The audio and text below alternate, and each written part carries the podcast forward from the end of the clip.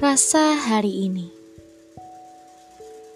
Hujan turun karena sudah waktunya Sama seperti air yang jatuh dari pelupuk matamu.